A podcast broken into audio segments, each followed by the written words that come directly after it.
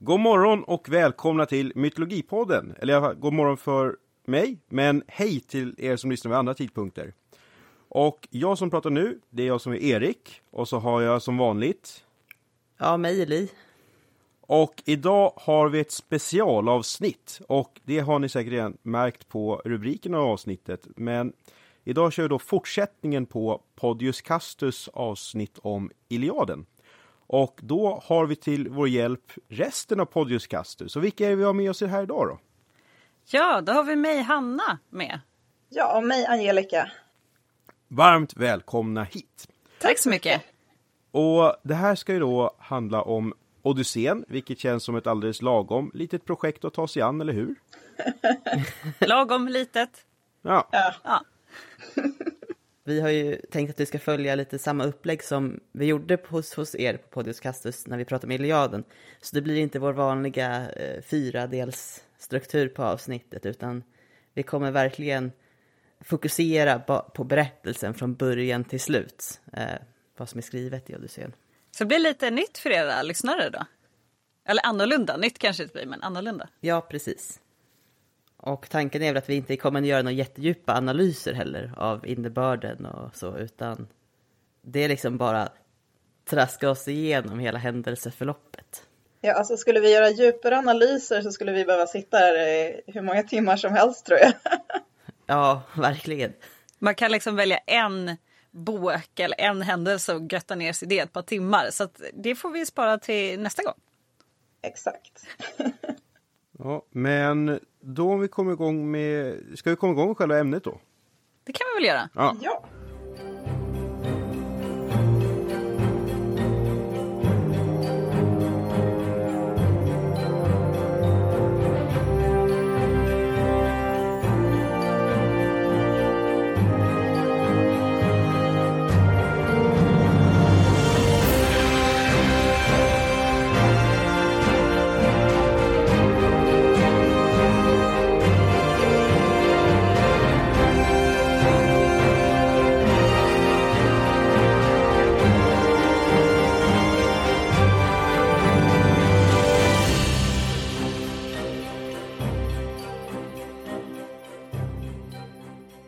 Här i början så, vi, vi pratade lite om eh, Hom, Homeros, eller hur man nu ska säga hans namn på med svenskt uttal. Eh, är det någon som, hur, hur borde det uttalas på grekiska? Är det någon av er som känner sig trygg i det? Jag ska inte säga att jag är perfekt på grekiska, men jag skulle nog säga Homeros. Homeros, ja. okej. Okay. Jag kanske är lite för påverkad av Simpsons där i sig. ja men det, det, kan, det, är ju lite störigt att eh, i den anglosaxiska världen är man ibland lite lat så att man måste döpa om alla till Homer istället för att ja. säga Homeros. De skulle ju kunna mm. klara av det. Eller Mark Anthony för Marcus Antonius och så. Mm. Nej men då, då, vi får se. Jag kommer att säga uttala på olika sätt genom det här avsnittet. Jag tror men... att vi vet vem du menar i alla fall. Ja. Ja, ja men det är tryggt. Men om vi börjar med han då, eh, så säger jag inte namnet just nu. Eh, vad, vad, vill vi ha sagt om honom? Homeros, Homeros? Jo, men vi, vi kan väl... Eh, det här är en jättedebatt inom den akademiska världen, vi kan inte gå in på den. Men eh, Homeros är den person som de här två verken, alltså Odysseen och Iliaden, är tillskrivna. Och han ska då ha varit en, en skald eh, som levde någon gång under 700-talet före vår tideräkning. Eh, det är alltså den arkaiska perioden. Eh, men de här händelserna som är i berättelsen är ju mycket, mycket tidigare. De är under bronsåldern, så att eh, typ 1100 före vår tideräkning. Och om det Homeros var en person eller flera personer, det, det är som sagt den här stora debatten. Men för enkelhetens skull, så han var en person som antagligen då skrev ner de här verken. Om han kom på dem själv eller inte, det är liksom lite svårt att säga. En fundering där på att dateringen är olika av honom och själva händelserna. Bygger dateringen av Trojanska kriget på någonting i texten som nämner sånt vi kan då jämföra med andra källor? Eller är det utgrävningarna i Troja som i och för sig väl grävde lite för långt, men Men hur, hur går den dateringen ihop? Är det någonting vi vet någonting om? Det, det är säkert någon som vet någonting om det, men jag vet ingenting om det.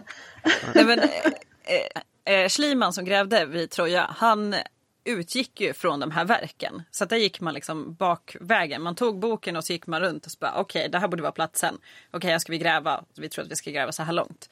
Eh, så det, det, är mer att mm, alltså redan i boken så mytologin bygger på en äldre tradition och man kan se att det pratar om ett äldre folk.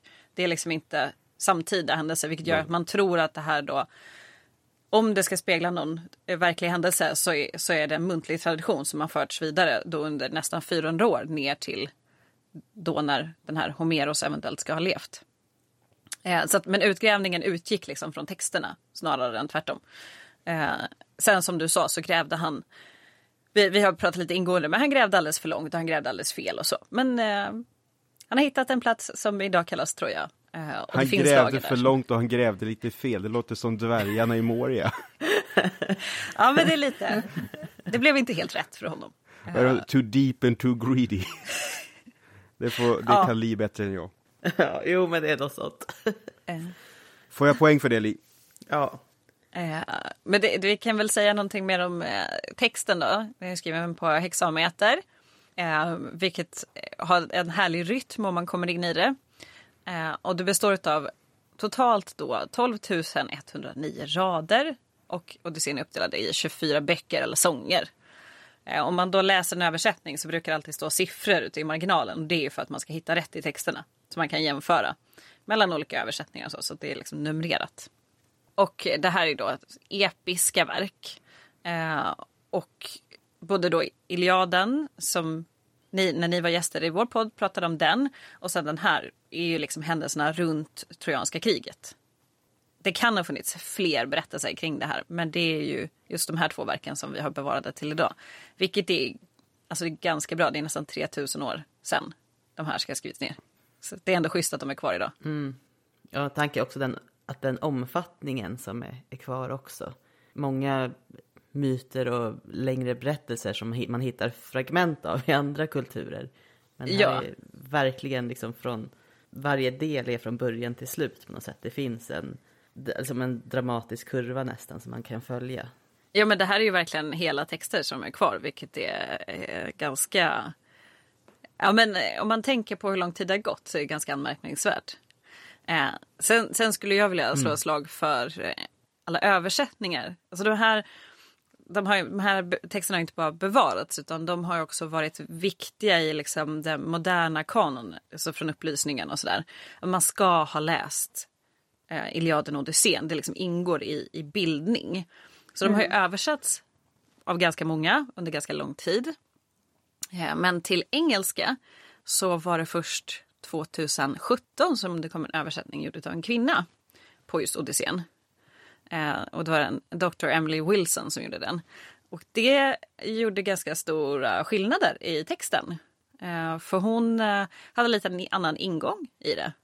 Eh, hon tyckte inte att bara för att det står ordet för, för flicka så betyder det att det ska vara hora till exempel. Mm. Eh, och eh, och hon blev också så här, fick ofta det ganska mycket ja men hur spelar ditt kön in i, i ditt översättningsarbete? Medan det är inte så många andra, kanske manliga översättare som brukar få den frågan. Eh, hon har också valt till exempel att eh, på flera ställen så eh, där det grekiska ordet kan betyda till exempel amma eller eh, barnvakt eller om man ska säga nurse så mm. kan det också betyda slav. Och det var ju med största sannolikhet en slav och då har hon valt att använda det. Det är mindre viktigt tycker hon att veta vad den här personen hade för roll inom hushållet än att den är, var en slav. För annars så kan det liksom falla bort lite i texten. Att det ser lite mysigare ut med att ens gamla nanny eller barnflicka är där än att det, det faktiskt är en slav. Det liksom tvättas mm. bort lite i de här olika översättningarna. Eh, så det är ganska intressant att sitta och jämföra så det kan man också roa sig med om man vill. Men så är det ju alltid, alltså översättningarna färgas ju av den som översätter. Ja. Ja. Eh, och, men det, det blir, eh, just i den här ganska tydligt. Eh, tydligt exempel på att det kan spela ganska stor roll. För att jag menar, Absolut. de flesta av oss läser ju inte antikgrekiska. Eh, Nej. Nej men väldigt intressant poäng för vi har ju pratat om olika översättningar då och då. Vi tog upp det i, lite i Iliaden-avsnittet också. Men det är bra med de här konkreta exemplen och då som du säger, det är, det är ganska många rader det rör sig om totalt. Mm. Och då bara på två exempel så märker man hur oerhört olika det kan bli. Mm.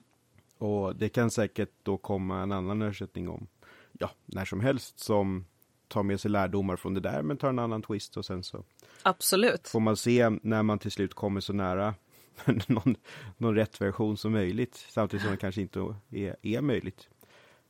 Eh, Vi, vi, får, vi får vänta och se. Men det är jätteintressant att se att det just utvecklas och det, det är bara bra för alla. Ibland, för det mesta.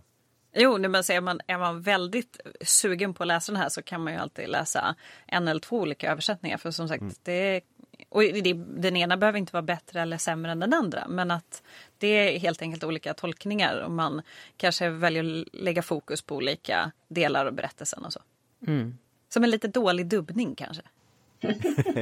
ja. Ja, ja, och det som är lite speciellt med, med Odysseen som jag har förstått är ju att den inte riktigt utspelar sig i kronologisk ordning, vilket åtminstone jag trodde att jaha, det här är bara en berättelse från när Odysseus börjar åka från Trojanska kriget och hem.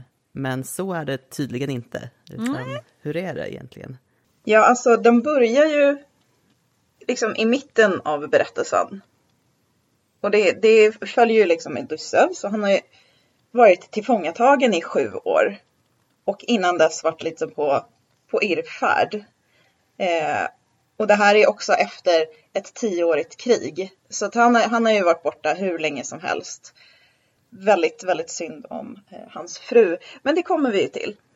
Men eh, själva berättelsen, den, den innehåller ju massa så här tillbakablickar och återberättande och allting. Så det, det är ju inte liksom från A till punkt A till punkt B utan den, den går liksom lite fram och, och eh, tillbaka. Det är ju inte en så här kronologisk eh, linjär berättarstruktur.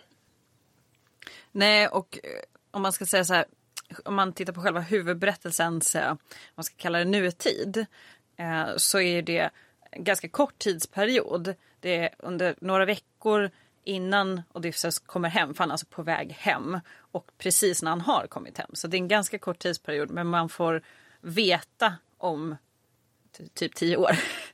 Eh, Men genom då tillbakablickar och, och han återberättar och sådär. Ehm, och begreppet då odyssé, det innebär ju alltså en lång eller en äventyrlig resa. Alltså det har blivit ett begrepp. Eh, och om man inte visste det så, Oh brother where art thou? Filmen, ni har sett den? ja. Älskar den. Clooney Ja. och... Ja, jättebra film. Det är ju den här berättelsen. Ja, just det. Det, det, det finns andra filmatiseringar också men Ja. det är nog den som har slagit mest. Jo, och man, kanske inte, man kanske inte gör den kopplingen, men det är en väldigt bra Nej. film. Så den, om inte annat så är den bra att se av den anledningen.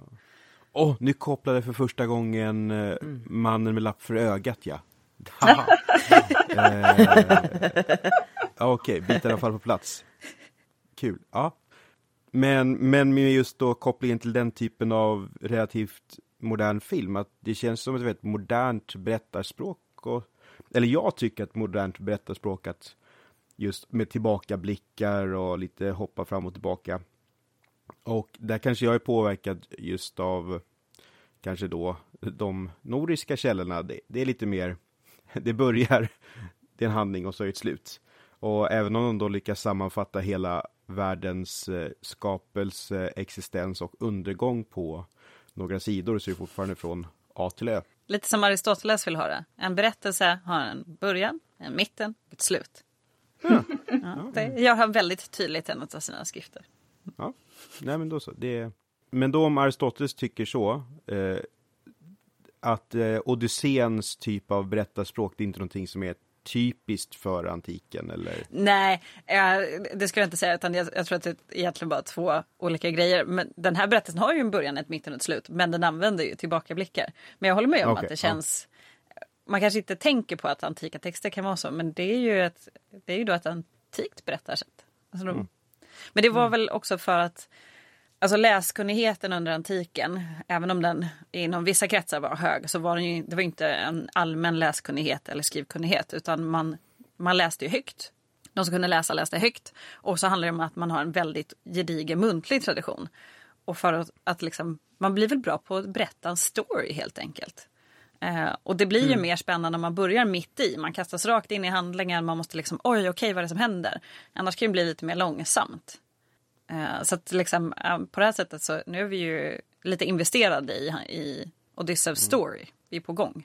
Här, häromdagen skulle jag just berätta myter från det nordiska och det var så svårt att välja myt för ibland tar det sån tid innan jag kommer fram till det som faktiskt är kul och intressant. Mm. Så lite, lite mer in media res eller vad det heter skulle kanske vara praktiskt. Mm. Då. Ja, det blir också, man börjar mitt i så får man också den här nyfikenheten på bara, men hur, hur hamnar han i den här situationen? Mm. Ja. Och får hoppas att man, man får veta det vartefter också. Så här, scratch record och så kommer eh, inom film eller tv-serie och så stoppar bilden. Du undrade nog hur jag hamnade här. Men det kanske var det ah. du var på väg att säga också. Ja, men det var det, det var ja. lite det jag menade. Men jag tänkte att jag skulle göra en brygga för att vi ska berätta om hur Odysseus faktiskt hamnade där han hamnade i början av Odysseen. Ja! Vad som har hänt honom innan.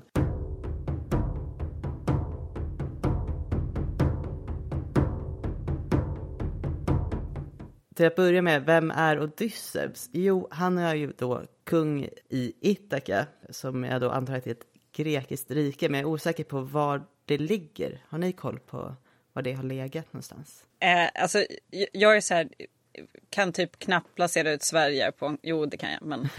Eh. Det är en ö. Ja. I alla fall. Eh, vart ligger den? Den ligger i Joniska havet. Den ligger nära Kefalonien. Säger det något? Det, det är liksom på andra sidan eh, Grekland. Ganska nära Peloponnesos. Eller nära och nära. Men ja, Peloponnesos finns där. Herregud. det är alltså en grekisk ö i det Joniska havet? Kan man ja, exakt, sammanfatta det med? Exakt. Ja. ja, men vad bra. Då vet vi det. Eh, Odysseus han var ju då, han var känd för sitt intellekt, listighet och mångsidighet. Och före trojanska kriget så har han då enligt, alltså några senare författare än Homeros då, försökt undvika att dras med i Menelaus krig mot Troja. Och det gjorde han genom att låtsas vara galen. För att visa hur galen han var så spände han för en åsna och en oxe på sin plog när han skulle så sina åkrar. Inte nog med det, han sådde sina åkrar med salt. Mm. Eh, och en åsna har ju lite olika gånghastighet och så, så att det blir ju väldigt snett. Man kan inte plöja, plöja ordentligt helt enkelt. Men han kunde inte längre lura någon att han var galen när sen Palamedes placerar Odysseus då väldigt unga son Telemakos framför plogen, vilket såklart gör att Odysseus styr undan för att inte skada sin son och med det har han då visat att han inte var galen. Så Odysseus blir meddragen i det trojanska kriget. det börjar på något sätt som en lumparhistoria. Ja, verkligen. Precis. De som inte vill göra värnplikten och fyller i papperna helt fel. Och... Ja. Men att då mönstringsansvarigen då tar det på lite större allvar. Nej, men så, så Odysseus har ju sen mot Palamedes liksom ett agg mot honom under nästan hela trojanska kriget sen. Innan de kan bege sig till Troja så måste de få tag på Akilles, för utan Akilles går det inte att vinna kriget. Men det som händer då är att Akilles mor förklär Akilles som en kvinna bland en, annan, bland en grupp med kvinnor så att eh, han inte ska bli igenkänd. Men Odysseus lyckas klura ut vem av de här kvinnorna då som är Akilles och Akilles blir då tvungen att följa med på kriget. Men det är, ing det är ingen som vill kriga liksom? Nej, precis. Det, det förstår man ju. Jo. Jäkla paris fel. Ja, men Erik, du kan ju berätta om vad som händer under Trojanska kriget, vad Odysseus har för roll där. Ja, vi kommer in på Odysseus roll lite grann i Eh, Iliaden-avsnittet, men kan också då bara sammanfatta för vår publik att Iliaden var inte vad jag trodde att Iliaden var, utan Iliaden börjar också en bit in i Trojanska kriget och har inte heller med slutet av Trojanska kriget. Så det, det var nytt för mig tyvärr. Det är lite pinsamt att behöva erkänna det. Men eh, Iliaden är alltså det som är innan eller före Odysseen. Eh, men det är inte så att, visst har jag förstått det här rätt i alla fall, att Iliaden och Odysseen, det är inte att vi har del, del 1 och del 2, utan det är ett gäng saker som ska hända däremellan också. Ja. Och eh, i Iliaden så är Odysseus en viktig person, en nyckelkaraktär.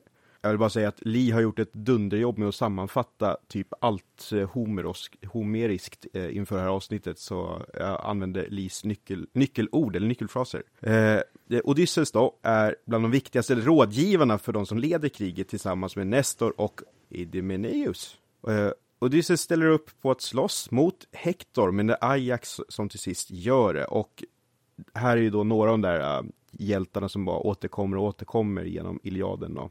För det är många namn, men det var rätt skönt ändå att till slut var det bara några få man behövde ha jättekoll på.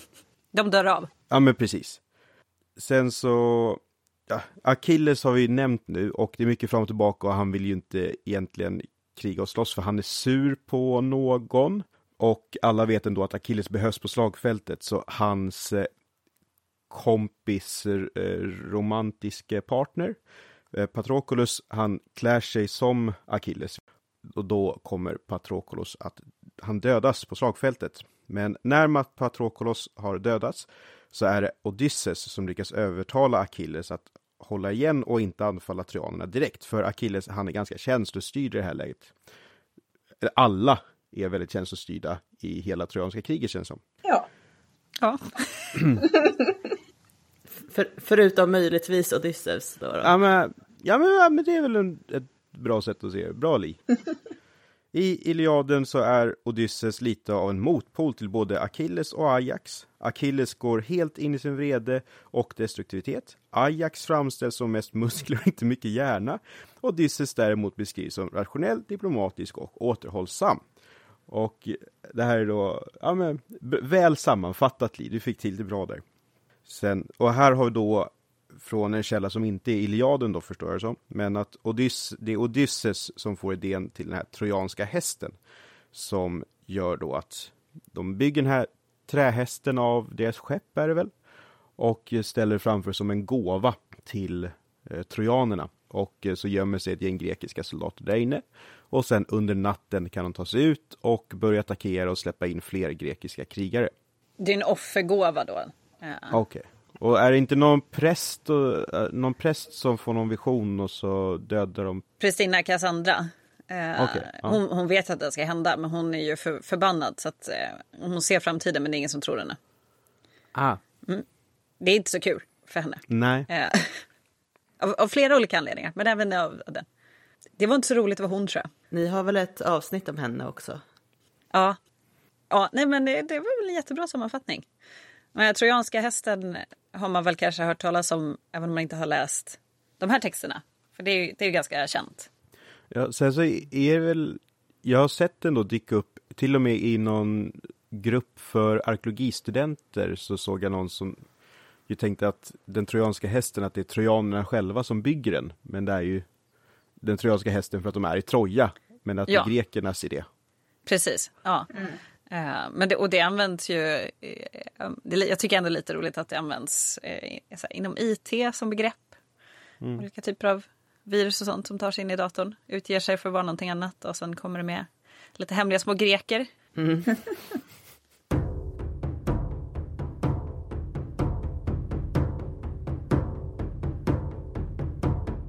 ja, nu har vi då hela berättelsen att berätt, gå igenom nu, mm. vad som händer i Odysseen. Bok 1-4 som kallas för Telemakien är den, fyr, den första delen i Odysseen som fokuserar på Odysseus son Telemakos. Så jag tänkte låta någon av våra gäster börja med vad som händer i den allra första boken. Ja, men jag kan väl eh, ta början då, sätter sin. Eh, och när vi, när vi börjar, då är alltså Odysseus fångad på eh, Kalypsos ö. Men gudarna bestämmer att nej, han ska nog slippa ut den här fångenskapen. Han är ju fångad för att han är eh, älskad av en gudinna. Hon vill ha honom kvar. Han vill åka hem. Så de bestämmer att han ska få komma hem. Och då är det eh, gudinnan Athena som eh, eh, liksom ja, drar igång det här helt enkelt. Eh, hon kommer också att besöka, hon är ganska aktiv i den här berättelsen, Athena. Hon dyker upp och hon förklär sig väldigt ofta och det gör hon här i början. Så hon besöker då Ithaka som är alltså Odysseus hem där han då inte har varit på alltså, nästan 20 år. Eh, och förklädd då eh, och uppmanar Odysseus son Telemachos, som du nämnde Li, eh, att sammankalla både folket och alla friare som är ute efter hans mamma Odysseus fru. Hon tycker, eller Athena då, förklädd, tycker att nej, nu ska du säga åt dem att nu får ni dra härifrån. Den här drottningen då, eh, Penelope, alltså Odysseus fru, som har varit ensam ganska länge. Eh, hon har ju då dragit till sig massa friare som vill åt hennes position, eller via giftermål med henne få Odysseus position. Eh, och eh, de har liksom antagit att han är död, vilket är ett rimligt antagande som att han har varit borta så sjukt länge. det mest rimliga antagandet ändå. Och de eh, har väl betett sig lite grisigt helt enkelt. De har inte betett sig så bra. De har ätit av hennes mat och ja, allmänt störiga. Och sen så får även eh, Telemachos ett till råd av Athena. Han ska inte bara sammankalla det här rådet och säga åt fienden att nu får ni dra härifrån, utan han ska också själv bege sig ut på en resa. då ska han åka till kung Nestor och kung Menelaos. Och det är för att då ta reda på vad som har hänt med hans far. För hon ger dem lite så här, hint hint, han lever nog. Eh, så att eh, det, det tycker hon att han ska göra. Och han fattar ju liksom, okej, okay, ser inte ut som en gud, men det här verkar vara någonting annat. Så han är ändå lite mer på tåget. Jag ska inte liksom ha sidospår på varenda bok vi diskuterar, utan det var en sak som jag kom att tänka på här och nu. Men det är ju genomgående i Iliaden också att gudarna kommer förklädda till människor och så säger de lite smarta saker. Mm. Och då om vi tänker oss att det här ska bygga på verkliga händelser, om då det kan ju vara vem som helst som kommer och säger någon så här smart sak till en kung eller krigare. Och sen så efteråt, ja det var säkert en gud. Att ah. det kanske helt enkelt var någon förbipasserande som råkade säga någonting klyftigt. Och sen så, att det, jag vet inte om man ska säga att det förvrängs då riktigt i handlingen, men vad tror ni om en sån sak? Eller är det att jag försöker förenkla någonting som faktiskt egentligen bara är coolt berättardrag? Eh, det kan väl vara lite både och. Skulle gudarna ha visat sig i sin hela gudomliga prakt så skulle ju alla människor ha dött på fläcken. Eh, det händer ju i, i alla fall en myt som jag känner till när Zeus luras att visa sig i sin fulla prakt för en eh, tjej han är lite kåt på. Var på hon såklart, dör på fläcken när han får rycka ut barnet ur henne för att rädda lilla bebisen. Mm. Eh, okay. Så att, eh, det kan väl vara lite både och. Men sen så, alltså, under antiken så var ju gudarna var ju ständigt närvarande så att jag tror inte att folk nödvändigtvis som lyssnade på det här då tyckte att det var konstigt att Athena skulle dyka upp förklädd. Utan så här, ja. Mm, Och då i andra boken så sammankallar Telemachos det här tinget eh, och han misslyckas ju med att avvisa de här friarna. Han lyckas inte heller för att få tag på ett skepp för att resa till Nestor och Menelaos som han ska då höra efter vad de vet, vad som har hänt hans far. Men han blir uppsökt av Athena efter det här tinget har hållits i samma skepnad som hon uppsökte honom dagen innan. Och hon lovar honom skepp och manskap och han får tag på det och han seglar då mot Pylos där Nestor är kung där på kvällen. Sen kommer vi till tredje boken. Och eh, Eh, den börjar med att Telemachos anländer på Pylos. Eh, och när han anländer så håller eh, kungen då, kung Nestor, eh, med sitt folk. De håller på att offra ute på stranden. Då vill Telemachos ha lite information om eh, sin far då. Kung Nestor berättar om eh, Akajernas hemfärd från Troja. Men han ger liksom inte så himla mycket information om Odysseus. Men han uppmuntrar dock Telmakos och ger honom då mod och beslutsamhet eh, och säger åt honom, men du eh, ska besöka Menelaus. Och tillsammans med Nestors son Pesistratos så seglar han eh, morgonen därpå till Sparta och anländer på kvällen. Och det är samma Sparta som de här kända 300 spartanerna då gissar jag? Ja, exakt. Fast mycket, mycket tidigare. Eller blir det tidigare? Ja, det blir tidigare. Ja, ja det är tidigare. Det är tidigare. Och då kommer vi till fjärde boken. När de anländer till Sparta så firar Menelaus ett dubbelbröllop för sin son och sin dotter och tar gärna emot Telemakos och Peistratos. Menelaus och Helena berättar om Odysseus bragder då de känner igen Telemakos. Morgonen på så frågar Telemakos om upplysningar gällande hans far. Och Menelaus berättar att han var på ön Faros i Egypten och hörde från havsguden Proteus att det han visste om Makaios hemfärd var att Odysseus vistades på Kalypsos ö. Proteus, det är inte någon havsgud jag känner till sedan tidigare. Är det någon mindre havsgud eller är det Okeanos i någon annan skepnad? Alltså det finns, det finns ju en hel del eh, olika smågudar, det gör det ju. Mm. Proteus var väl ett havsväsen. Alltså han var inte... Just när det kommer till vatten, som Angelica sa, så finns det ju otroligt många. Det finns ju hur många havsnymfer och flodnymfer och så som helst. Så det här var väl liksom en utav, en i mängden. Okej, okay. ja. Det blir ju lite olika beroende på översättning, vilka begrepp man använder för Precis. ja, Mm. karaktärerna.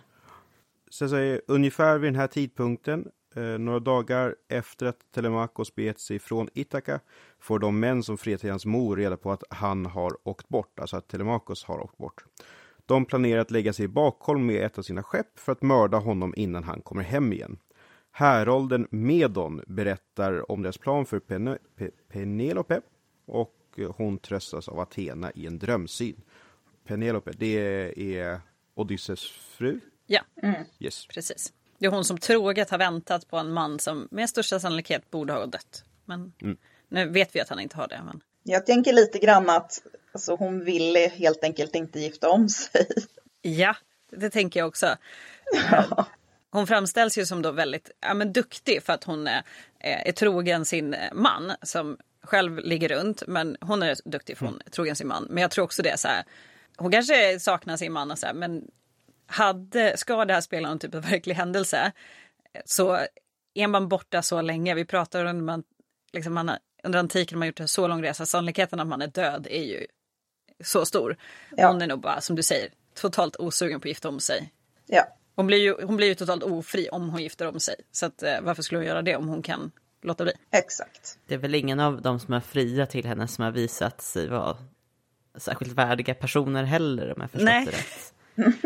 Nej, eh, och just att man som kvinna är liksom, förlorar ju framförallt i Grekland, så här, du är ju helt underställd din make. Du, så att hon har väl lite bättre själv, tänker jag.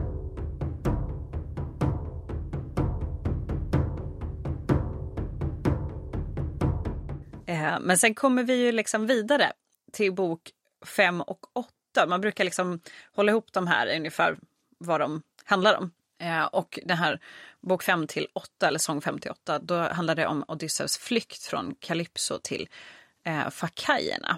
Och i femte boken, då är det Zeus som sitter där uppe på Olympus och eh, ber Hermes, alltså gudarnas budbärare brukar han ju kallas, eh, att ta sig ner till Calypso, som är gudinna och eh, ja, men uppmana henne att släppa Odysseus fri. Han vill ju inte. Han vill inte vara med henne. Hon är superkär. Han vill inte vara med henne. Nu får hon liksom släppa honom. Han har ändå varit där sju år. Hon eh, lyder lite motvilligt. Eh, jag tror väl att det är eh, i den här boken hon har också ett ganska intressant tal där hon är, säger att gudarna är ganska motsägelsefulla. Eh, manliga gudar får ta älskare och älskarinnor till höger och vänster men när en gudinna gör det då fasiken måste det bli slut på det. Vilket jag tycker är lite intressant att hon pekar på dubbelmoralen i det hela. Men eh, hon går med på att Odysseus ska få åka hem och hjälper honom också. Så Odysseus han bygger en flotte och beger sig ut på havet. Men det tar inte så lång tid, eller det tar väl typ 18 dagar innan eh, havsguden Poseidon då märker att, att Odysseus är ute. Han har ju ett arg mot Odysseus eh, efter saker som har hänt liksom, tidigare. Så att Poseidon blir eh, sur och eh, drar igång en liten storm. Alltså, jag skulle ju påstå att det tar lång tid. liksom, Ja, ku- liksom gud över haven. Tar det 18 dagar för honom att inse att någon som han verkligen hatar är där liksom uppe på ytan och guppar omkring. Han var väl bortrest? Jag tror Poseidon var bortrest. Han var upptagen. Han har annat att göra.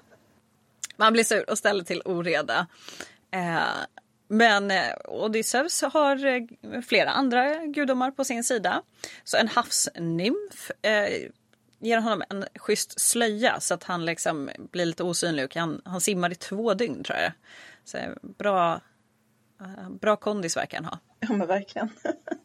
Eh, och på den tredje dagen så når han en ö och han simmar in i mynningen av en flod. Och där är han ju såklart väldigt eh, trött och utmattad och faller då i sömn. Och han har då eh, anlänt till en ö som heter Skeira och tillhör då Fakajerna. Och ön han har anlänt till då det är Skeira som tillhör Fajakerna. I sjätte boken då så ska alltså uttal på namn som, man som stavas lite annorlunda. Man var i Nausicaa. Vet ni hur man uttalar det namnet? Nej, jag vet det verkligen inte. Jag skulle nog säga så också. Ja, Nausicaa då, som är dotter till fajakernas kung Alkinos, eh, ska ner till floden för att tvätta tillsammans med sina tjänsteflickor. Athena har en dröm, liksom antydligt till Nausicaa att hon ska gå till just den platsen där Odysseus befinner sig och tvätta olika kläder eller textiler eller vad. Och under tiden som deras tvätt hänger på tork så roar de sig genom att kasta boll med varandra. Bollen faller i floden och alla flickor skriker till. Det här skriker i sin, skriket i sin tur väcker Odysseus. Odysseus eh, ber Nauska om hjälp och han är ju spritt språngande naken efter sina färder till havs och sliten. Så hon ger honom både kläder och mat och tar med honom hem. Men innan de är helt framme så ber hon honom att vänta vid en av Athenas heliga lundar utanför staden medan hon hinner fram till palatset. För hon ville undvika skvaller ifall hon skulle komma i sällskap med en man hem. Då. ja. Ja, för jag tror att hon, hon och hennes eh, slavinnor där, de var väl till och med också nakna när Odysseus sprang på dem. Så det var lite så här, Woo! Mm, så kanske det var. Hon blir lite kär i honom för att han är så snygg. Det är väl klart, han är ju hjälten här. Det, det är klart att han ska vara snygg och I don't know. Han borde ju ändå ha varit lite till åren tänker jag. Man kan vara snygg Ja, för det, verkligen. men han är ju liksom inte 20. Nej, och sen så är han alltså krigare också så att eh, han borde ha ganska mycket ärr och Ja, sånt. Han, borde, han borde se lite sliten ut tänker jag. ja. Han, han måste ju i alla fall vara så här, nu är ju absolut inte 35 gammalt, eh, det vet ju vi. men, men i de här sammanhangen så borde han ju vara liksom så här, minst 35, närmare 40 och som du säger, han har ju han har väl levt lite hårt. Ja, verkligen. Kanske inte hos Calypso i och för sig. Där kanske han hade det gött. Ja, ja, säkert. Där var det väl lite chill. Eh, Mm. Men utöver det, herregud. Va, har vi någon, någon tanke om en medellivslängd? På den här Svårt tiden? att säga. För jag vet ju, alltså, jag har ett perspektiv på nordisk vikingatid, men vad är det, 45. Eh, men, Det beror på hur man räknar. Alltså, ofta brukar man säga Ja. en ganska låg medelålder, typ 35-40, för att det var så många som dog som väldigt små barn. Eh, men man, alltså det fanns ju individer som blev jättegamla. Eh, men det är klart att snittet lär ju inte ha varit, vad är det idag, 84 för kvinnor eller något sånt och typ 80 för män. Någonstans där tror jag snittet ligger i Sverige idag.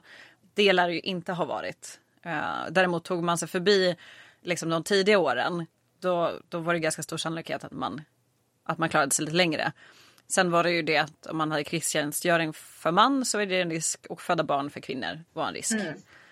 Men jag menar, det, det, var, det var inte kanske osannolikt att man kunde bli över, över 40.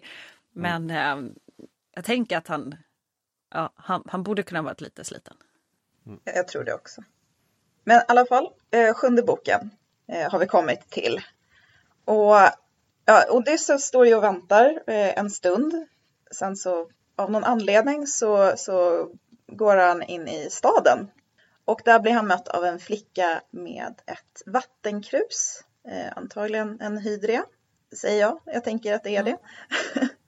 och eh, det här är ju inte en vanlig flicka utan det här är ju faktiskt Athena. Och hon leder honom till kungens palats. Och där går han in och eh, bönfaller eh, drottning Arete om skydd. Och som blir, då blir han mottagen som gäst och behandlas vänligt av alla. Och eh, efter att de har delat en måltid där Så berättar han för kungen eh, och drottningen eh, om hur han har varit tillfångatagen hos Calypso. Och så berättar han om eh, hur han tar sig därifrån och med mötet, eller om mötet med eh, deras dotter Nausicaa då. Och eh, efter den här måltiden så får han en plats att sova eh, över natten. Väldigt välkomnande, väldigt vänliga människor det här.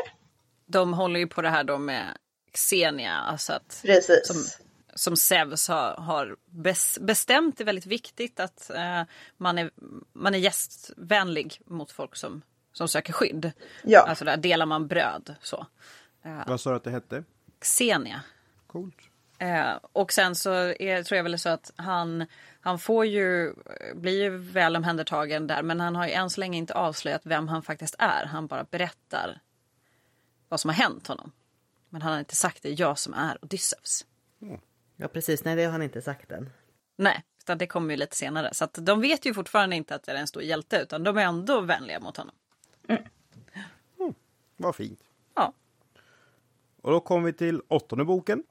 Och eh, på morgonen därefter så hålls ett ting där förberedelser görs för att hjälpa främlingen att komma hem. Och det är då Odysseus som fortfarande är främling som sagt. Och efter tinget så hålls en fest hos kung Alkinos. Och eh, flera lekar och tävlingar hålls och Odysseus han deltar i diskuskastning. Det bjuds även på dans och sång och en blind skald vid namn Demodokos sjunger om Ares och Afrodites kärleksäventyr. Odysseus får rika gåvor av fajakernas furstar. Till middagen sjunger Demodokos om trähästen i Troja, vilket rör Odysseus till tårar. Kung Alkinos märker detta och uppmanar Odysseus att säga sitt namn och att berätta om sina öden. Fram till nu visste de inte att han var Odysseus.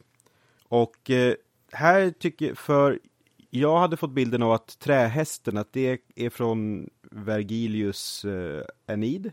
Men här är en, trähästen nämns ändå i Odysseen. Det känns tryggt för mig. ja. Ja.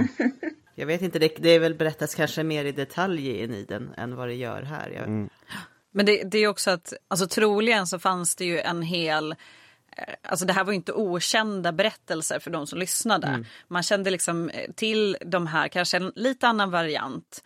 Eh, så att det var ju liksom, ja, alla kunde gudarna, så man, man visste vad som har hänt vid sidan av det här som vi kanske sticker in med. Det hade man ju liksom med sig i bakhuvudet. Precis som om man hoppar in mitt i en tv-serie så har man ju har man sett det. Även om det har gått två år så har man ju liksom kvar lite av det där. Just det, så här hängde de ihop och så. Eh, men eh, ja, han, han blir ju väldigt rörd när han får höra det här.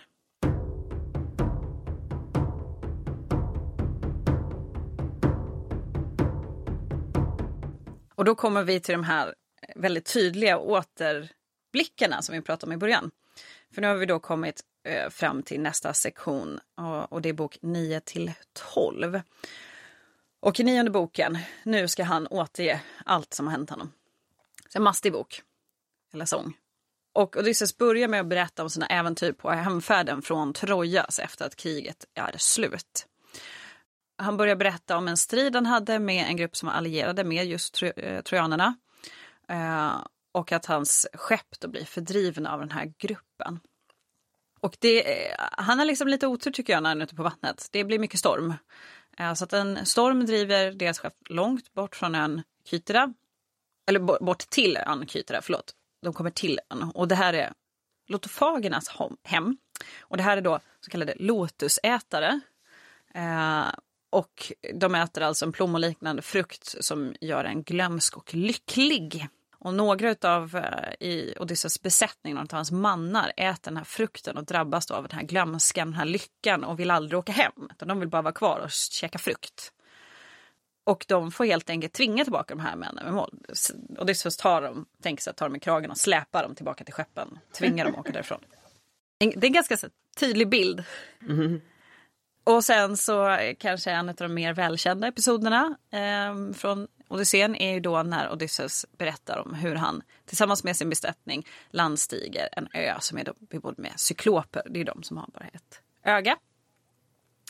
Och eh, han berättar om hur han, håll, han och hans eh, besättning hålls tillfångatagna i eh, just cyklopen Polyfemos grotta. Eh, och Polyfemos åt bland annat sex av hans män och är också så son till Poseidon.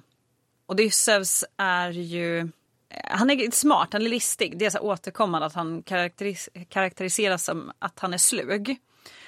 Och Polyphemus Polyfemos har spärrat in de här eh, personerna, eller Odysseus och hans män, eh, med en tung sten. Och Odysseus fattar att han kan liksom inte bara ihjäl den här cyklopen för då kommer de ändå inte ut. Så Odysseus han presenterar sig själv som ingen. vilket är på grekiska ett ord som påminner lite om Odysseus. Och eh, sen får han Polyfemos att supa sig full. Alltid bra om man ska försöka fly. Eh, och sen så gör Odysseus honom blind, alltså han sticker spjut i, i Polyfemos öga. Och Polyfemos han vrålar såklart av smärta. Och då kommer hans eh, cyklopkompisar dit och undrar vad som har hänt. Och då skriker Polyfemos, ingen förblindar mig, ingen mördar mig. Smart va? Så de bara, okej, okay, då går vi härifrån då. Ja. Eh, och så hände inte så jättemycket mer den natten. Men när då Polyfemos på morgonen efter tar bort den här stenen för att ta ut sina får, tror jag det, så klamrar de sig fast på fårens undersida och kommer på så vis ut. Och eh, Polyfemos ser dem ju inte för han är ju nu mera blind. Och Polyfemos fattar väl efter ett tag att han har, han har tappat sina fångar så att han kastar stenblock mot den platsen där han tror att Odysseus har sitt skepp, men han missar. Och nu är han kanske inte så slug och smart, Odysseus, men nu säger han vad han heter. Förresten, det är jag och Odysseus som eh, har förblindat dig, bara så du vet. Som jag nämnde, Polyfemos är då havsguden Poseidons son. Och Polyphemus Polyfemos går till pappa och säger du, den här snubben var elak mot mig, kan du göra något? Och det är därför Poseidon är så förbannad på Odysseus. Mm. Han kunde inte bara låtit det vara liksom. Han har lyckats, han, de har tagits ut och sen bara I need credit. Mm. Eh, jag kommer att tänka på det blev tydligt i samband med Iliaden-avsnittet också, men att mycket, jag ser mycket roliga grejer på internet förstås, även då med koppling till eh, eh, de homeriska verken. Och jag såg någonstans en tråd där det var att eh, här kallar sig Odysseus för ingen.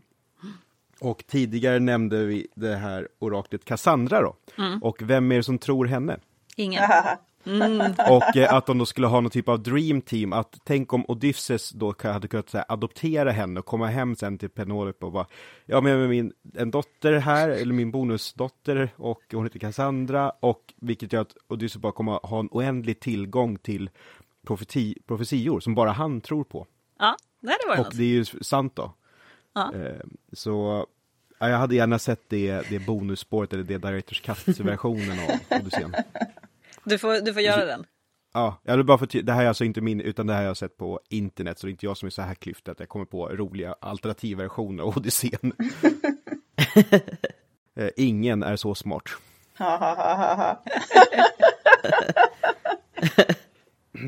det var bra. Tack. Den kommer jag på. Ja. du vill ha lite cred för den. Ja. ja. Då kommer vi till nästa bok, bok nummer 10.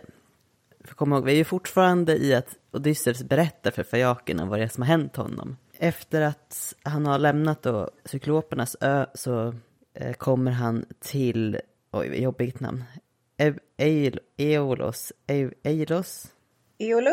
Eolus? Ja så säger vi. Jag tänker på sådär plaströr man hade när man var liten, när man vred på det. ja, man kommer till, till eh, Eolus vindarnas konung. Och här är det tydligen lite olika. Ibland beskrivs han som en gud och ibland som en eh, kung. Jag tror att just i Odysseen så är han en kung. Men han har liksom i alla fall, han styr över vindarna eller har kontroll över dem på något sätt. Och han visst, Odysseus vistas hos Eolus i en månad. Och när Odysseus sen lämnar hans rike så får han en säck som innehåller vindar. Eolus låter västvinden föra Odysseus skepp vidare rätt hemåt mot Ithaka. Och när deras skepp är så nära att man kan se kusten av Ithaka så får Odysseus besättning för sig att den här säcken som Odysseus fått den kanske innehåller någonting värdefullt och spännande. Så de öppnar den och då rusar ju såklart vindarna ut ur säcken och blåser dem helt åt ett annat håll. De kommer då hela vägen tillbaks till Iolus ö. Eh, och där är de inte längre välkomna och avvisas därifrån. För Iolus misstänker då att men vad fan, råkar de ut för sån här otur, då är ju verkligen inte gudarna på deras sida. Så ja, Odysseus vill jag ju inte ha här. Det, gudarna tror ju inte att han ska klara sig, så vad, vad fan ska jag göra då? Och eftersom de nu saknar vind eftersom Eolus inte är på deras sida så måste de ro. Och Odysseus skepp kommer därefter till Lestrigonerna. Och de vet ju inte om det här är några trevliga personer eller inte. Det var ju inte några trevliga personer för de åt delar av besättningen och förstör elva av skeppen. Uh, ursprungligen så har Odysseus avseglat med tolv skepp men nu är det bara ett skepp som klarar sig och kommer därifrån. Med det sista skeppet så kommer Odysseus till ön Ajaje där nymfen Kirke bor. Hon förvandlar då hälften av besättningen till grisar genom att bjuda dem på mat. Hon har alltså haft in och magiskt, eh, magisk dryck eh, eller medel i maten som hon bjuder på. Odysseus och några andra i besättningen har ju inte ätit av maten än. Eh, och han får också ett besök av Hermes som liksom förklarar för honom hur han ska kunna motstå hennes trollformler och eh, han får också även ett motgift som ska göra att hennes eh, magiska drycker och så inte verkar, har någon verkan på honom. Eh, men han blir kvar hos Kirke i ett år och när det har gått ungefär ett år så både Odysseus och hans mannar börjar bli ganska rastlösa och ja, men det, vi måste verkligen åka hem nu. Men Kirke låter honom inte göra det direkt utan han måste först besöka de dödas rike där Odysseus då ska tala med Tiresias om sitt öde. Tycker jag ändå att det är lite roligt att han Liksom, han har förlorat typ hela sin besättning så kommer de till den här ön och han ser hur hälften av hans mannar förvandlas till grisar. Och så löser han det problemet sen bara, äh, fast du och jag vi kan väl äh, där borta. Mm. Ja. Äh, Ja, de får ju en sorts relation. Eh, eh, ja, jo. Men säg så här, han är inte lika trogen som hans fru är. Nej, precis. Mm. Ja, och så kommer vi till elfte boken. Där eh, seglar eh, Odysseus över Okeanos, eh, Eh, vilket är, vad ska man säga, det, det, det var en typ en, en världsström. Personifikation av havet, typ. Men när han gjort det så landar han i Kimeriernas land. Och det är ett så här mörkt och, och dimmigt land. I nedgången till, till underjorden, vilket det är dit han ska, så offrar han ett dödsoffer och de döda eh, närmar sig honom. I de dödas rike då, så träffar han sin kamrat Elpenor. Jag kan inte uttala någonting. Han, han söp sig full och ramlade ner från tak i slutet på förra boken och bröt nacken. Ja, det var han. Ja, Good han. for him. Good way to go. jag tar om den här. Så när han kommer ner i de dödas rike så träffar han sin kamrat Elpenor som, som dött under deras vistelse på Kirkes ö. Då. Och när han återvänder från de dödas rike så låter han eh, begrava Elpenor för att hans själ inte skulle vara eh, vilsen då. Vilket trevligt av honom. Mm, schysst. Men, ja men eller hur.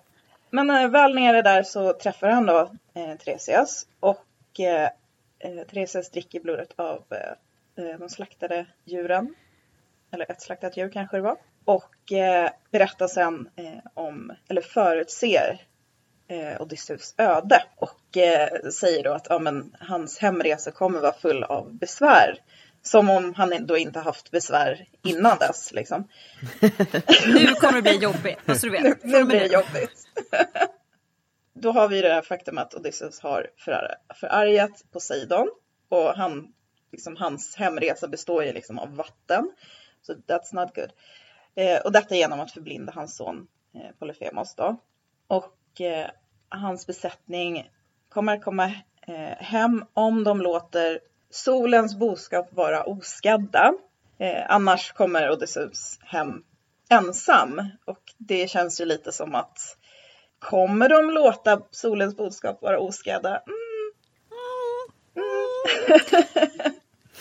Innan Odysseus kan göra sig helt hemmastad så måste han göra en sista resa långt från något hav och offra till Poseidon för att eh, blidka havsguden då. Och efter det här så är hans långa resa slut. Så, så här har han liksom helt enkelt svart på vitt. Så här måste du göra eh, för att komma hem och det kommer vara skitjobbigt. Mm. Eh, utöver eh, hans eh, kompis då, Elpenor och eh, Theresias så träffar han flera andra döda personer. Han träffar bland annat sin eh, mor och flera andra döda kamrater som var hjältar då, som hjälpte till under det trojanska kriget. På lite avstånd så ser han kändisar som Orion, Sisyfos och Herakles skugga.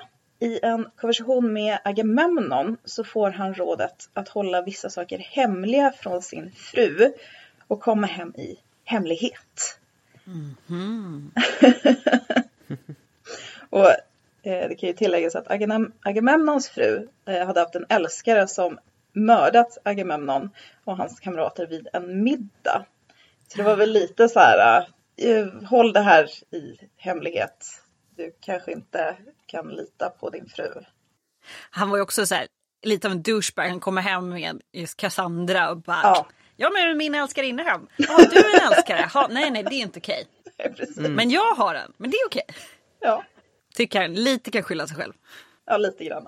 Han hade lite bagage, Agamemnon. Lite bagage. Jag menar, Odysseus tar i alla fall inte med sig någon älskarinna hem. Han lämnar ju i alla fall dem kvar. Precis.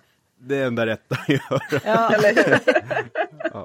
Så jag funderar på det här i bland de döda i dödsriket. Är det, är det Hades han besöker eller är det något annat typ av dödsplats? Nej det är Hades. Det är det va? Nej, jag, jag vet, eller jag för mig att det, den grekiska mytologins dödsriket, att det är Hades som är det huvudsakliga. Att det här med Elysiska fälten, det är mer någon romersk krigargrej, eller hur är det? Men jag tänker att vad gör någon som Herakles på ett så dåligt ställe som Hades? Borde inte han få ha något roligare dödsrike? Alltså, jag, jag, jag läste på om det där när jag, i samband med att jag skrev ner det. Och det, det är liksom den del av Herakles som var dödlig som är där nere. Resten av Jaha. Herakles är med Olymperna. Okej! Även bra personer kan ju hamna i Hades. Alltså det är inte som ja. dessa kristna himmel och helvete distinktionen. Det, var, det var mer så här, det var, det var inga brinnande eldar utan det var mer så här tråkigt. Jag kan, jag kan ju, eh, tillägga att det finns ju, du nämnde ju Erik, eh, Elysions fält. Men så finns det ju också Tartaros. Det är liksom Ah. Hades 2.0. Den djupaste grottan under jorden. Och det är där titaner och sådär fängslats va? Ja, och, och det är lite liksom, om man ska dra en liknelse, kanske mer då kristna helvetet. Alltså, så att, ja. Men, det- men det, de flesta känner, man känner ju oftast bara till Hades liksom, under jorden. Nej men tack. Och sen så eh, ett annat sidospår som inte alls bidrar lika mycket till någon typ av mytologisk utveckling. Men de här kymerierna. Det är ju det folkslag som Conan Barbaren tillhör. Eh, Conan the Chimerian. Jag ville bara ha det sagt. Ja.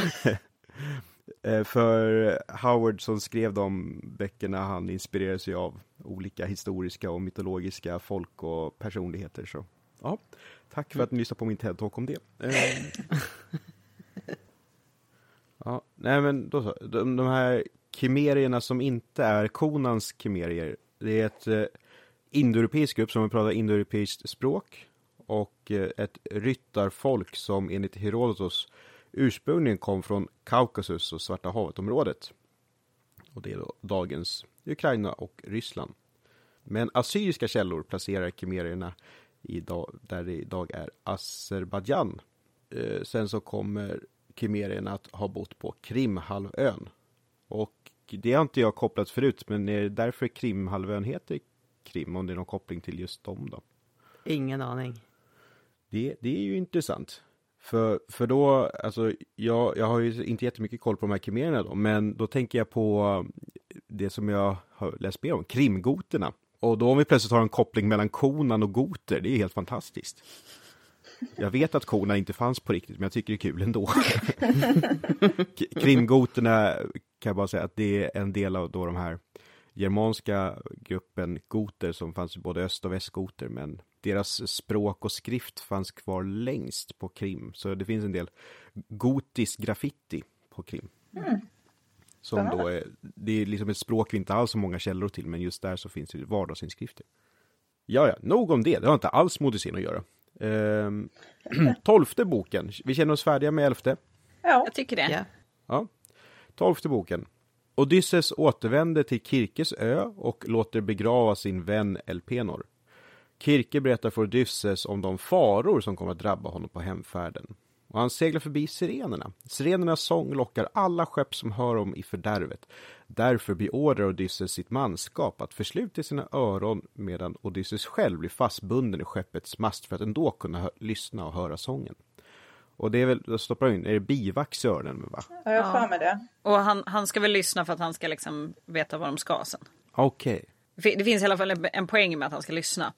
Eh, Så det är han inte bara nyfiken? Nej, jag tror inte det. Utan jag tror att det finns, ja, det i och för sig kan ju vara en anledning nog. Men, Ja, ja, men- men, ja. han bönar och ber om att få bli fastsläppt. Men de, är, de följer sina order och Bra. surrar fast honom hårdare istället. Bra Ja, men kompisar. det är bra. Mm, bra. Han seglar genom ett sund mellan havsodjuren Charybdis och Skylla som äter upp sex av hans män. Odysseus med besättning landar sedan på Trinakias ö. Då männen lider av hungersnöd slaktar de några heliga oxar för att äta, trots att Odysseus varnar dem. Boskapen tillhör nämligen solguden Helios och det var det här som de varnades för, för, förra eller för, förra boken. I förra ja. Så, Som straff för detta ber Helios Zeus att göra något åt saken. Zeus slungar åska mot skeppet och endast Odysseus överlever och driver i land på Kalypsos ö och Gygia, där han de kommande sju åren kommer att vara fången. Alltså det, är, det är någon sjuk variant av Dr. Albans eh, moppepojkar. Eh. ja men att eh, de, de var färre och färre och färre och färre. Ja, du menar så. Jag tänkte, okej, jag gör det som anteckning. Skriv om moppepojkar till Odysseen Ja, vi får göra det nu. på hexameter. Ja.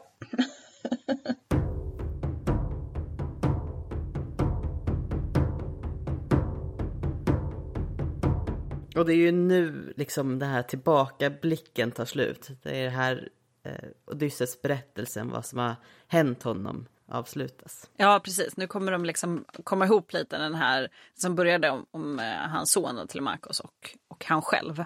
Så i trettonde boken har vi tagit oss nu, så nu, eh, ja, vi, nu ju, har vi ju tagit oss halvvägs i alla fall. Ja. Då efter då att Odysseus har berättat om sina, sina äventyr här för fajakerna så alltså han har hållit på i två dagar. Det är, det är inte så att han drar en handvändning. Ah, det var lite jobbigt. Alltså. Utan han är ingående i sina berättelser. Så får han gå ombord på ett skepp för de, de lovar att hjälpa honom.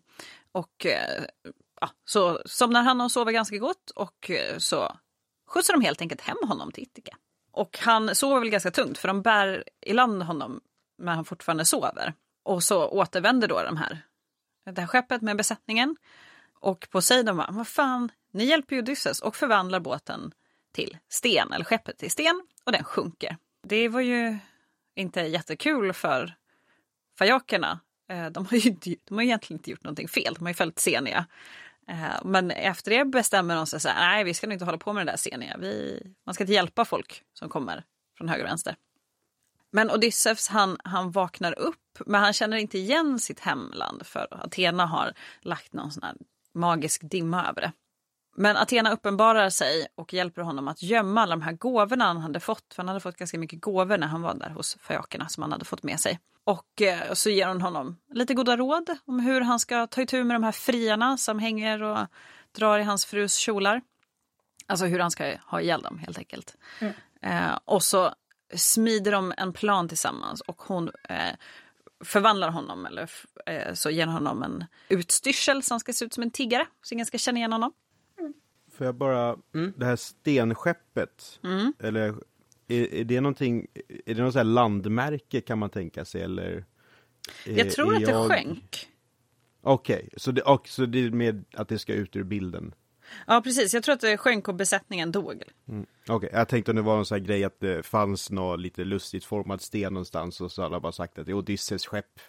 Nej, så... jag tror inte nej. det. Jag tror att grejen var att det, det sjönk och de dog. Ja. Och då blev de så här, jaha, nej men det här med att hjälpa folk var inte så kul. Det ska vi sluta med. Mm. Mm. Ja, men då är ju Odysseus äntligen nästan hemma. Han är ju på rätt land i alla fall. Han eh, kommer då till, eh, hem till en svinherde vid namn Eumaios. Och Eumaios tar vänligt emot Odysseus eh, inne i hans hydda. Eh, herden vill ju inte tro på att Odysseus fortfarande är vid liv och kommer återvända. Men han lyssnar ändå väldigt ivrigt på vad den här tiggaren som då är faktiskt Odysseus eh, målar upp för, histor för historia om Odysseus. Och de äter middag tillsammans varpå det blir en väldigt kall och stormig natt.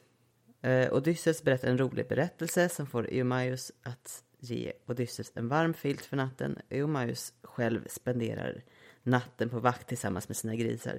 Så Eumaios visar sig ju väldigt lojal mot Odysseus och behandlar honom väldigt väl. Mm. Mm. Precis. Han följer scenen, ja. Precis. Ja. Det är bra. I femtonde boken då så eh, kommer vi tillbaka till Odysseus son Telemakos. Och han är ju hos eh, Menelaus. Här så tar Telemakos avsked av eh, Menelaus och kungen ger honom då väldigt rika gåvor. Varav Telmakos reser tillbaka till Pylos. Och eh, på skeppet därifrån så tar han med sig en flykting. Vilket är siaren Theoklymenos. Och från Pylos reser han hem till Ithaka nattetid via en omväg. Eh, och det här är för att eh, undgå de här friarna som vill mörda honom. De är ju inte så himla glada i honom. Och sen så kommer vi tillbaka till Odysseus. Och svinheden Emaios berättar om sitt liv. Eh, och Telemakos landar i gryningen med sitt skepp och ger, beger sig sen till Emaios och låter skeppet resa vidare till staden. Mm. det var ett straight forward. Ja. Någonting som ska kommenteras där? Nej. Nej, då så. Eh, sextonde boken. När Telemakos kom till Svinahedens hydda skickar han Eumaios till sin mor Penelope med meddelandet att han snart kommer hem igen. Alltså att han själv, Telemakos, kommer hem. Medan heden är borta avslöjar Odysseus sin identitet för sonen och de diskuterar hur friarna ska förgöras. Samtidigt går Telemakos eh, skepp i land i staden och upprör friarna som nu rådgör kring hur de ska kunna mörda Telemakos på Ithaka. På kvällen återvänder Eumaios till sin hydda.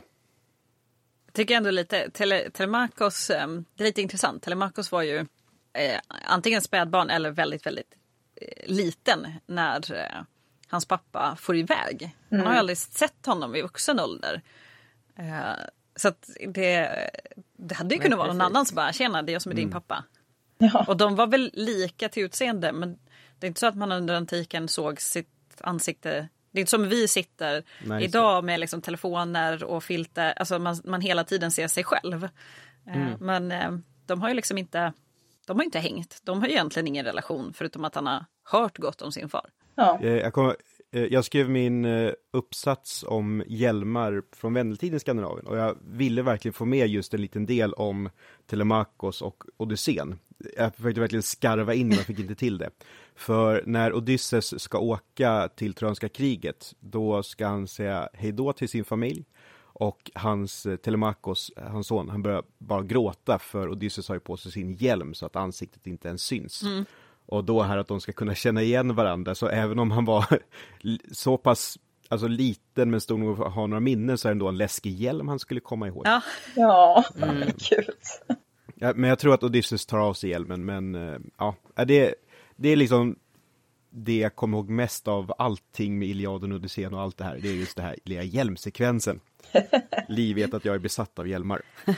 ja. Det har stigit mig åt huvudet så att säga. Så att säga um, ja, och då har vi ju kommit fram till sjuttonde boken. Uh, och då är det ju liksom dagen efter uh, och då är det Telemachos som ger sig tillbaka in till staden. Och eh, senare ska Odysseus komma. Och han är fortfarande då förklädd till tiggare. Och de, eh, Odysseus ska då komma tillsammans med den här svinaherden in i staden. Och eh, när Odysseus och eh, herden ger sig in så blir Odysseus smädad. Han är ju som sagt tiggare och han blir misshandlad av en getherde. Ehm, eh, som tycker att ja, det här är någon som står under mig i rang antagligen. Och det är ju det är alltså ingen som känner igen honom. Han är ju för sig förklädd av en gudinna så han har väl ganska schysst party-outfit. Men när han väl kommer fram, Odysseus då kommer fram till mm, alltså sitt hem, till själva kungsgården, så är det hans gamla hund Argos som känner igen honom. Det här är ju också en hund som har levt otroligt länge. Ja, verkligen. Eh, den här hunden är alltså 20 plus år. Ja. Eh, men hunden är den enda som känner igen honom. Och eh, Odysseus han går och tigger hos friarna, eh, varav en av dem kastar en pall på honom. Och det är till och med, till och med några av de andra reagerar bara, ah, det där var lite väl. Lite väl. Men de, de, är ganska de är elaka mot honom, det är inga vänliga själar, det är väl det man vill få fram. Eh, men drottningen, hon blir lite liksom konfunderad över den här tiggaren, det är någonting annorlunda med honom. Så hon ber om att få tala med honom i en rum för att lista ut vem det är. Och eh, det är ungefär där vi, vi lämnar dem, förutom att då Eumaios, alltså svinaherden, han återvänder hem igen, så han är inte kvar. Mm. Så det var sjun, mm. sjuttonde boken, den är ganska också rakt på. Nej, det är, alltså, eh, Ar hunden Argos är också en sån detalj jag burit med mig genom åren. Att det är någonting, alltså, för, för mig, jag, jag tänker väldigt mycket på min gamla hund Caesar när jag läser här om Argos, för så här, han var en liten gubbpudel och just det här lite långsamma vaggandet på svansen när man kom hem. Jag kanske hade varit iväg en längre stund och så kom hem till mina föräldrar och så såg han så här lite lagom gubbglad ut.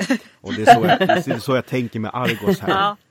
Ja. Så jag kommer ihåg att jag tänkte mycket på Argos när, när, när hunden inte var med i bilden längre. Och i mitt huvud så är Argos en stor pudel, det kan ingen ta ifrån mig. Och nu är vi inne i bok nummer 18. Och Odysseus, ja, det är ju svårt att vara tiggare. Han blir tvungen att slåss med en annan tiggare där, Iros, som vill jaga bort honom därifrån. Och jag misstänker väl att Iros såg tiggar-Odysseus som någon sorts konkurrent. Mm. I övrigt så får ju då drottning Penelope får väldigt mycket gåvor från friarna som fortfarande vistas då på kungsgården. Är inte det också på lite gudomlig inspiration? För de har ju, de har ju, de här tiggarna har ju egentligen bara varit där och käkat upp hennes mat och liksom alltså, tagit saker från henne. Mm. Eh, och nu då säger, säger de någon sån här, ja men eh, om jag ska gifta mig med någon så måste det ju vara någon som kan ge mig fina gåvor. Ja, så kanske det Jag var. tror att det är, det är någon form av liten inspiration där så att hon, hon är också mm. lite listig.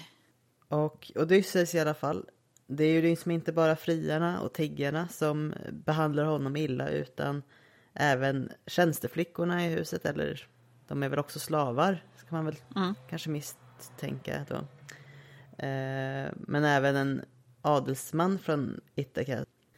Alla behandlar honom ganska dåligt i alla fall. Och frien, det avslutas ju kapitlet då med att friarna ber sig hem för att vila. Ja, och sen så går vi till nittonde boken. Och eh, här får Telemachos hjälp av Odysseus att bära gästernas vapen ut ur en sal eh, och upp i en kammare för att stänga in dem för att de här friarna inte skulle ha tillgång till dem. Och eh, här får även Odysseus tillfälle att prata med Penelope och övertygar henne då om att eh, han vet, alltså Odysseus förklädd som tiggare vet vem Odysseus är och att han kommer tillbaka. Och Penelope erbjuder honom ett bad men han nöjer sig med att få sina fötter tvättade. Och här kommer vi till den här delen när eh, Odysseus gamla amma Eurokleia, eh, som är den som eh, tvättar hans fötter då, Eh, känner igen Odysseus för att hon känner igen hans fötter. Eller han, eh, ett R på ett av hans ben. Då. Penelope hon bestämmer sig för att låta frieriet nästa dag avgöras genom en bågskyttetävling innan hon går och lägger sig. Hon skulle då gifta sig med en friare som orkade spänna Odysseus pilbåge och skjuta en pil genom tolv yxhål.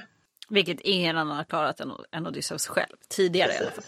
Så det, det är återigen lite så här, jag vill inte gifta mig men om jag sätter upp ett omöjligt mål så borde det vara lugnt, Ja. tänker jag.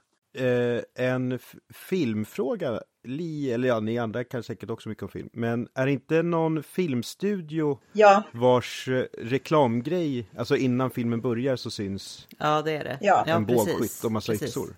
Jag vet inte vilken det är, men ja. Nu kommer jag inte på vilken studio Ja, jag det försöker är. googla just nu, Filmstudio Ar Archer Access, men jag får inte upp något vettigt då. Ja, men vad... TSG Entertainment. För, för ja, nu lyckas jag ändå inte stava rätt på entertainment, så jag får inte fram rätt eh, video, men det syns väl innan massa filmer. Och det måste ju vara den här sekvensen. Ja, det är det. Eh, det kan... Jag behöver komma på en mytologi i vardagen tills imorgon, så då tar jag den. Eh, bra. Nej men, eh, bra, bra test. Jag tycker fler Tinder-profiler borde ha den typen av krav. Precis. Vi går inte på en dejt förrän du har klarat det här. Eh, bok nummer 20. När Odysseus, som fortfarande är utklädd till tiggare, sover så väcks han av att höra sin makas jämmer, Penelope då. Eh, Och från Zeus får Odysseus lyckobådande järtecken, bra järtecken.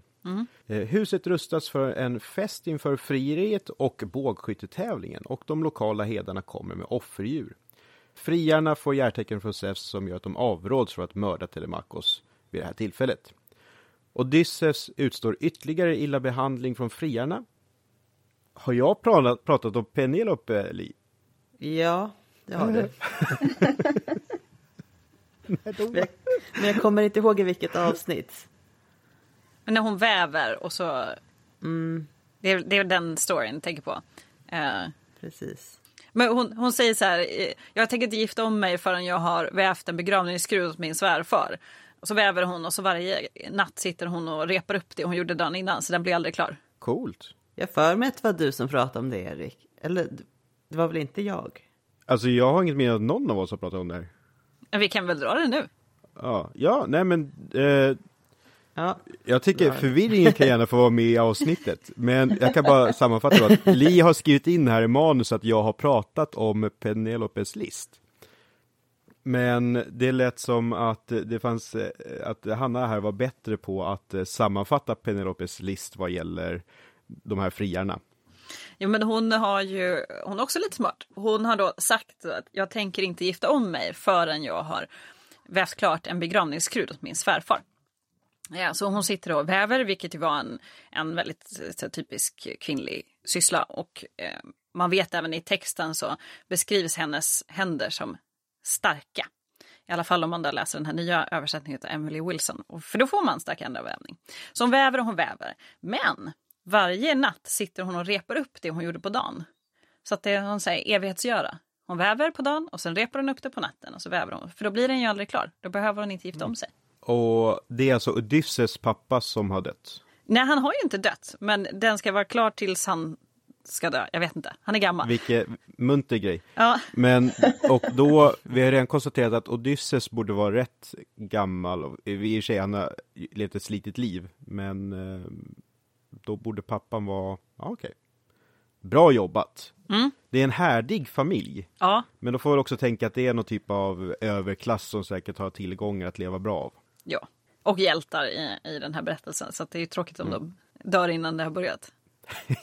Ja.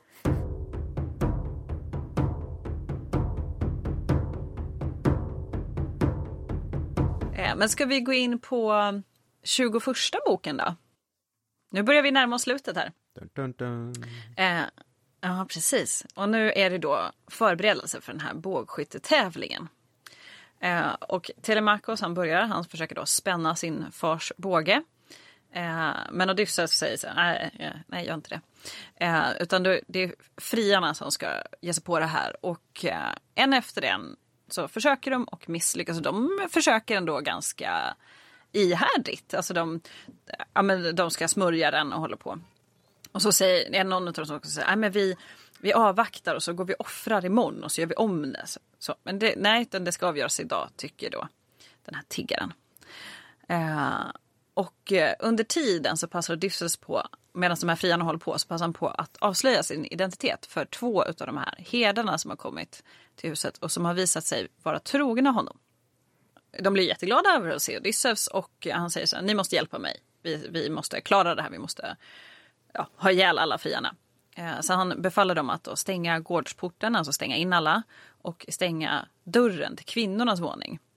För av någon anledning så är inte Penelope med och bevittnar den här bågskyttetävlingen som då ska avgöra hennes framtida liv. Utan hon ligger och sover tror jag. Eh, men då, det stängs av då till kvinnornas del. Och när alla friarna provat bågen och misslyckas då tar tiggaren tag i saken. Och han kan ju då såklart spänna sin egen båge och skjuter den rakt igenom de här yxornas öglor. Tada! Varför vill Telemakos spänna bågen? Alltså, jag vet att det är, ja, vi har med antika Grekland att göra, men det känns ändå lite opassande Ja. att han vill vara med i friartävlingen.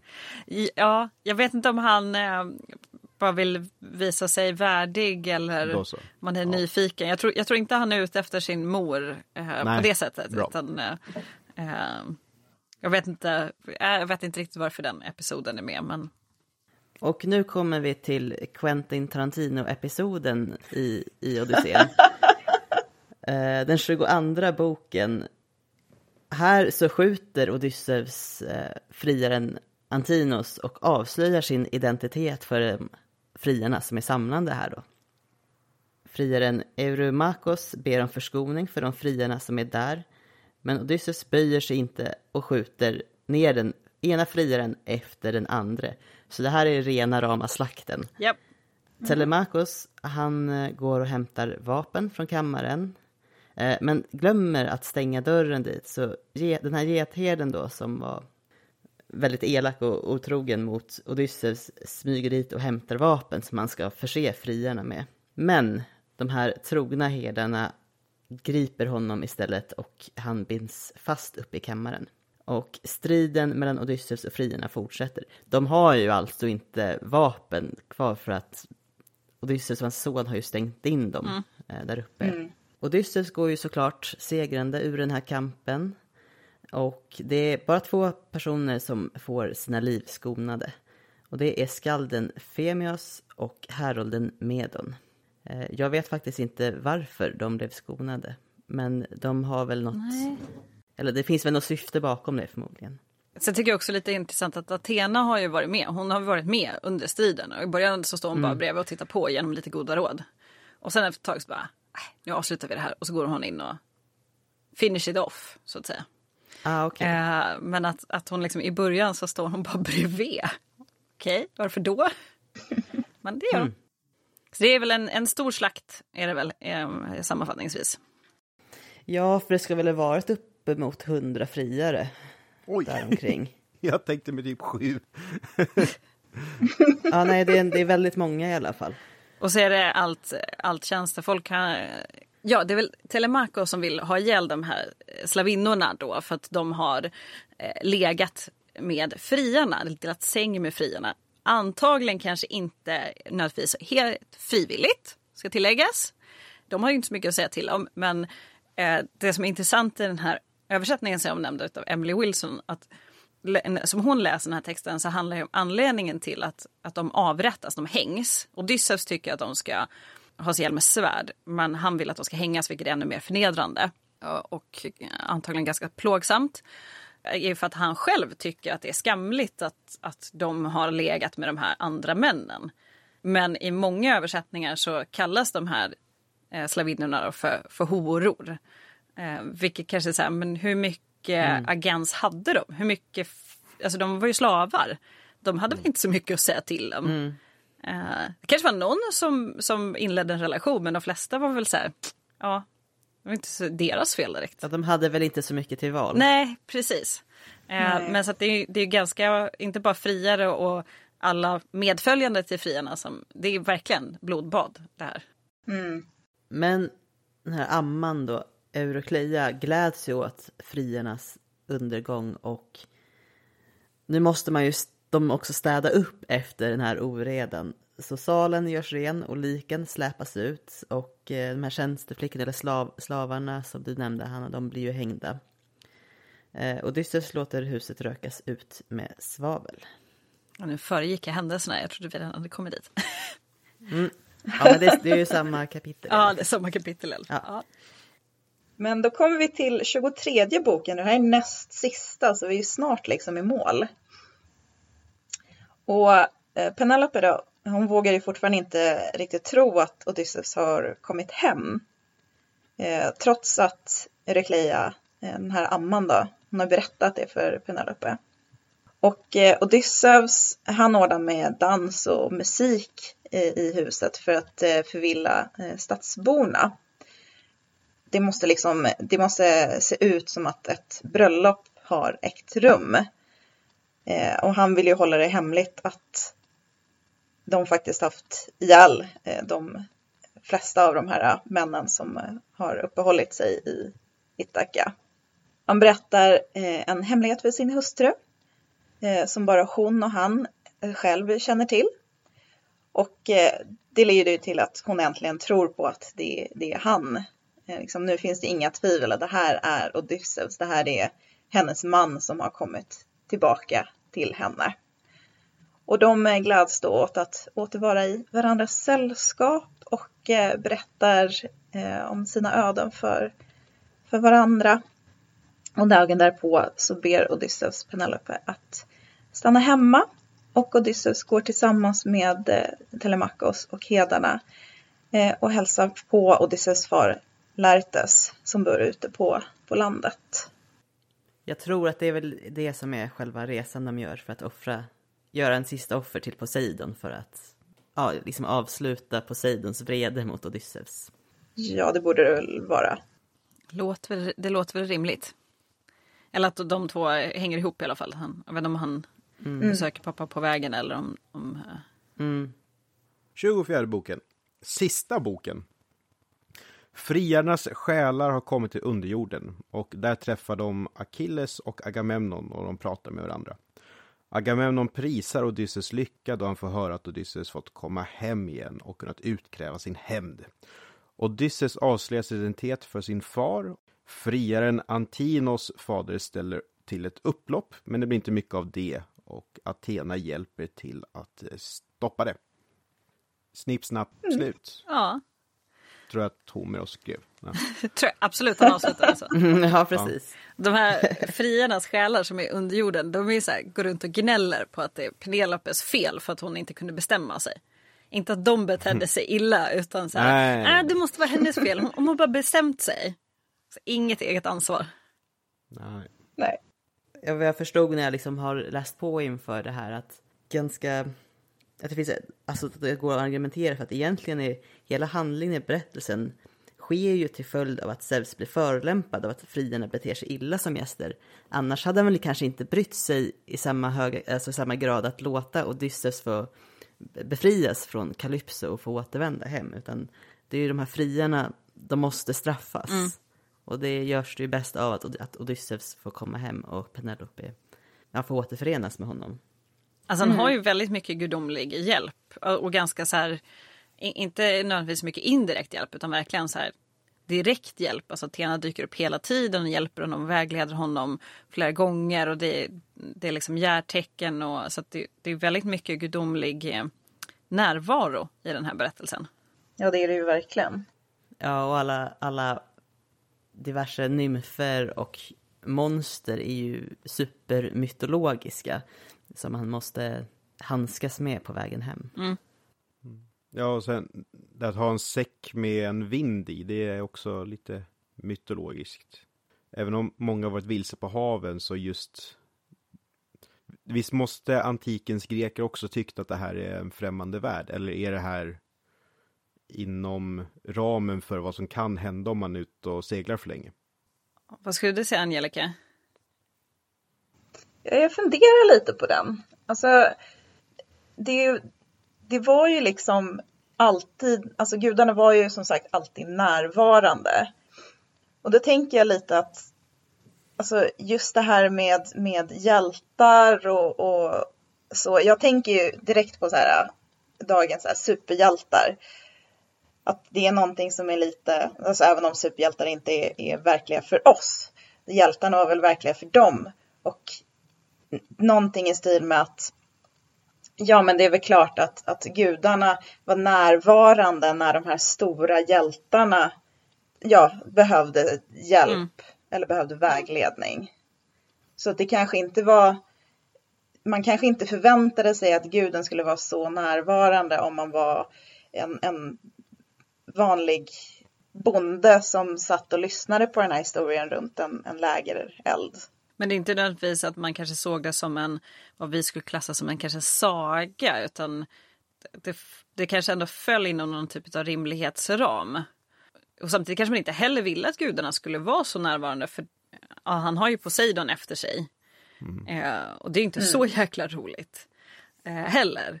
Eh, så det, det kanske, ibland kanske det kunde kännas, gud vad skönt att jag inte, att jag inte råkar ut för det där. Eh, eller att man för den delen eh, det kommer en gud i förklädnaden och så inser man inte det och så behandlar man den illa. Och så, alltså så här, mm. eh, det, det eh, sen, sen är det väl eh, det, det, här återberättas, alltså, som vi pratade om innan, det, ska ju då, det handlar ju om, om väldigt långt tillbaka även, eh, även under antiken. Så att det pratar ju om en tid som var för väldigt länge sedan. Eh, och, och då levde ju de här hjältarna bland människorna på jorden. Eh, och det var ju väldigt många som mm. hävdade sin härkomst direkt, med direkt koppling till dem. Så att det var väl kanske mer att man tänkte på, men förr så var det här kanske vanligare, mer så. Mm. Men det är ju såklart jättesvårt att veta som att vi inte har så här, typ dagboksanteckningar och sånt kvar. Mm. Eh, när jag har försökt läsa på om Odysseen inför det här så fick jag liksom intrycket att det finns att det är en ganska allmän teori att, att det som man ofta tror att Odysseen handlar om innan man har läst den är ju just de här äventyren med olika monster och sirenerna och att just de här eh, kapitlerna som, som Odysseus återberättar för fajakerna att den biten skulle mycket väl kunna vara äldre som berättartradition än det runt omkring som egentligen är huvudberättelsen i verket Odysseen. Har ni hört något mer om, om det? Nej, inte något mer. Men det, alltså man tror ju att, att det här, alltså om man säger att det skrevs ner där runt 700-talet, att det just var baserat mm. på, på mycket äldre berättartraditioner och att det fanns, alltså man förväntar sig att det fanns en viss förkunskap hos publiken som vi kanske inte har idag. Mm. Ja, men, som när vi kanske slänger oss, ja men det är som kalanka på julafton, då, då förväntar jag mig att ni vet vad kalanka på julafton är och vad det gör med mm. folk som bor i Sverige som mm. hela landet stannar när man tittar på Kalanka. Att det finns liksom en annan förförståelse.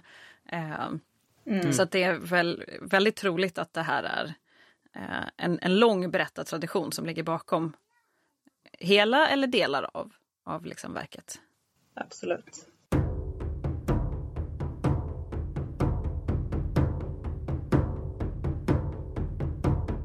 Men imponerande. Då har vi tagit oss igenom Odysseen också. Ja, det har vi.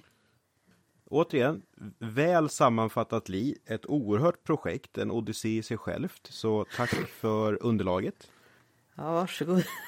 Alltså för mig, alltså, min bild av Odysseen bygger på det som ni säger här. Det är lite monster och kykloper och det är sirener.